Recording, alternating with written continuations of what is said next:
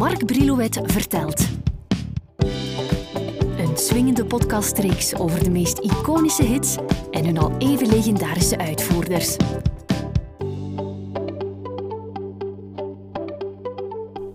Ik neem je mee naar 1969, wanneer je toen door de studentenstad Leuven liep. En dat was ook nog zo het jaar nadien, was de kans groot dat je, als het mooi weer was, vanuit een of ander studentenkot een flart kon horen van de LP Bridge Over Troubled Water van Simon Garfunkel. En ik overdrijf niet, dat was echt zo.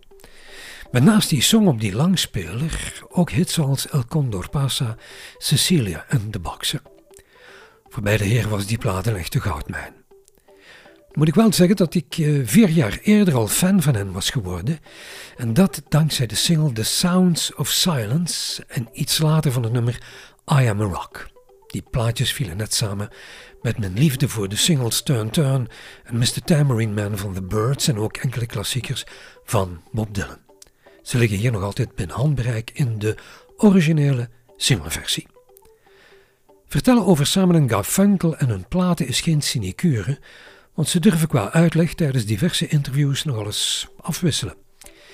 Ik heb dus mijn uiterste best gedaan om het verhaal over de Sounds of Silence in de juiste plooi te leggen. Paul Simon en Art Garfunkel waren met de Sounds of Silence niet aan een proefstuk toe. Vreemd genoeg duikt dat lied op enkele platen ook op als The Sound of Silence. Ze hadden op het einde van de jaren 50 al liedjes opgenomen als het zingende duo Tom en Jerry.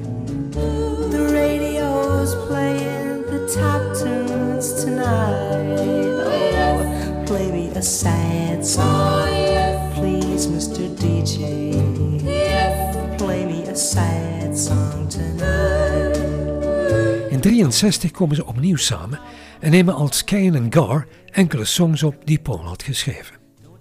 Die liedjes baden in een folky sfeer die ze graag zongen tijdens hun optredens in Gert's Folk City, een Hoot Annie Club in de New Yorkse wijk Greenwich Village.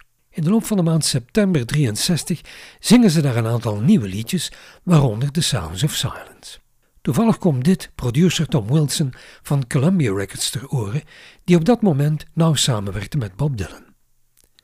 Simon die weet Wilson ervan te overtuigen een auditie voor hen te organiseren, die iets later leidt tot een platencontract bij Columbia Records. Simon weerlegt het verhaal dat hij The Sounds of Silence geschreven zou hebben tijdens de nadagen van de moord op John Fitzgerald Kennedy in 1963. Hij zat gewoon thuis in zijn badkamer met de lichten gedoofd en zijn akoestische gitaar op schoot. De tegels van de badkamer zorgden voor een leuke weerkaatsing, een extra galm, waardoor zijn stem plots veel ruimer klonk en dat inspireerde. Hij zette de kraan op half zacht, zodat het lichte ruisen van het water hem ja aanzette tot het schrijven van die Sound of Silence, zo luidde de titel aanvankelijk. De duisternis in die badkamer vormde ook meteen de aanzet van het liedje. Hello Darkness, my old friend. Hello darkness, my old friend. I've come to talk with you again. De maanden die volgen blijft die tekst door zijn hoofd spoken en Paul beweert dat de song op de avond van de 19 februari 64 een definitieve versie krijgt. Van de 10e tot de 31ste maart van dat jaar neemt Simon samen met Art en met producer Tom Wilson 12 songs op voor hun eerste LP Wednesday Morning 3 AM. Op dat album een akoestische versie van The Sounds of Silence. Als je goed luistert, zingen ze wel degelijk The Sound of Silence, maar op de hoes staat dan weer The Sounds of Silence. Kan jij nog volgen? Ik niet. Within the sound of silence.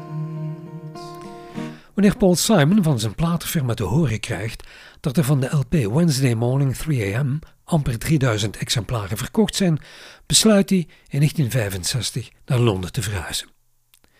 Daar neemt hij in de Levi's Recording Studio in New Bond Street in de maanden juni en juli een soloplaat op, de Paul Simon Songbook, met daarop onder meer een herwerkte versie van The Sounds of Silence. Die versie klinkt soberder dan sober. Paul en zijn akoestische gitaar, heel folky gezongen. Op deze plaats zingt hij wel degelijk over The Sound of Silence en zo staat het ook op de hoes vermeld. Controleer dat maar even. Hello darkness, my old friend. I've come to talk with you again. Because a vision softly creeping left its seeds while I was sleeping. And the vision that was planted in my brain still Een van de nummers op dat album is I Am a Rock, dat Simon de 14 december 65 opnieuw opneemt, deze keer samen met Art en bedoeld voor de LP Sounds of Silence, die de 17 januari 66 in de winkel ligt.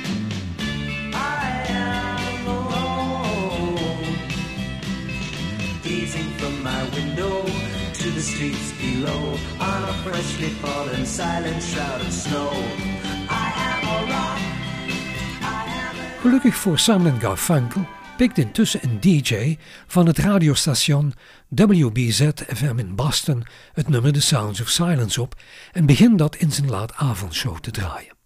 Radiostations aan de oostkust pikken het ook op. Producer Tom Wilson die merkt snel op dat de DJ's dit dus wel lusten. Intussen heeft, dankzij onder andere de Birds, de elektrische folks een intrede gedaan. Wilson komt op die idee de Sounds of Silence een elektrische facelift te geven. De 15 juni 65 zit hij in de studio met gitarist El Gorgoni, bassist Bob Bushnell en drummer Bobby Gregg. Ik noem die namen bewust omdat zij diezelfde dag samen met Bob Dylan Like a Rolling Stone opnemen.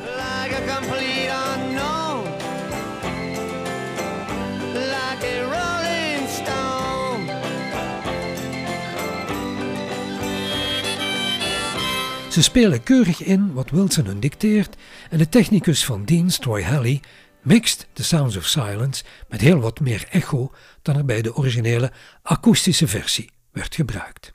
De 13 september 65, sorry dat ik die data herhaal, maar dan kan ik het beter duiden, wordt deze geremixte versie van The Sounds of Silence op het Columbia label als single uitgebracht. Nog Simon, en dit verhaal klopt als een bus, nog Garfunkel waren van deze nieuwe mix op de hoogte gebracht, omdat ze niet meer als duo voor Columbia werkten. Maar Paul Simon trad op dat moment in een Deense club op, waar hij op zekere dag een exemplaar van Billboard's Hot 100 in handen krijgt en hij ziet dat de Sounds of Silence het in de charts erg goed doet. Ook Garfunkel krijgt het in de gaten en belt meteen Simon op.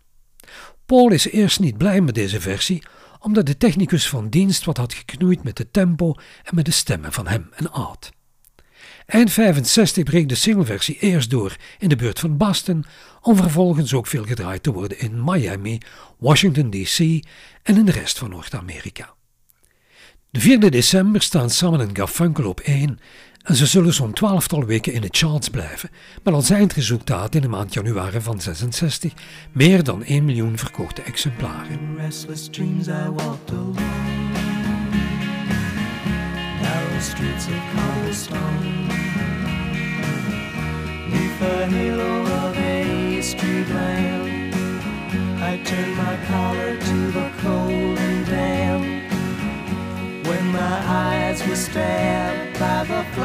Of a neon light night and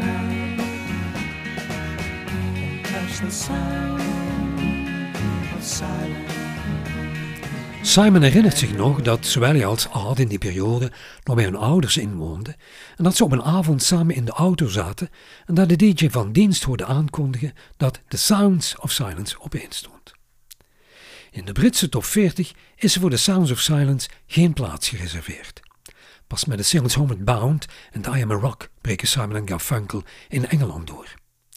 In Nederland daarentegen klimt de single naar de tiende plaats en wordt Homeward Bound vier maanden later een top 5 hit. Homeward bound, I wish I was homeward bound.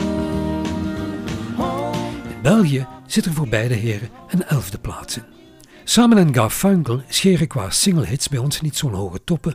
Als ik uh, verder kijk in onze hitlijsten, nee, alleen Cecilia en El Condor Pasa worden bij ons wat je kan noemen echte hits. Het zijn eerder hun albums, hun LP's die hier in de smaak vallen.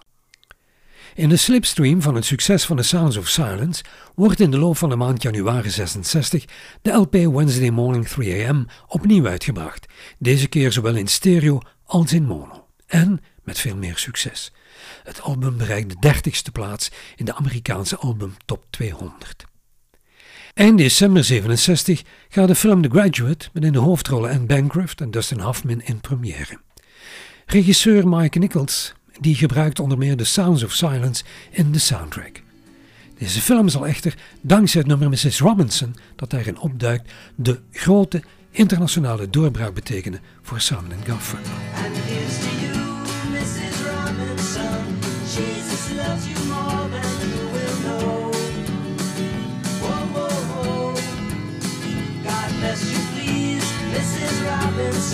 Van The Sounds of Silence bestaat er een gladgestreken coverversie door de Britse groep The Bachelors, die daarmee een derde plaats in de Britse top 40 van de maand april van 66 bereikte.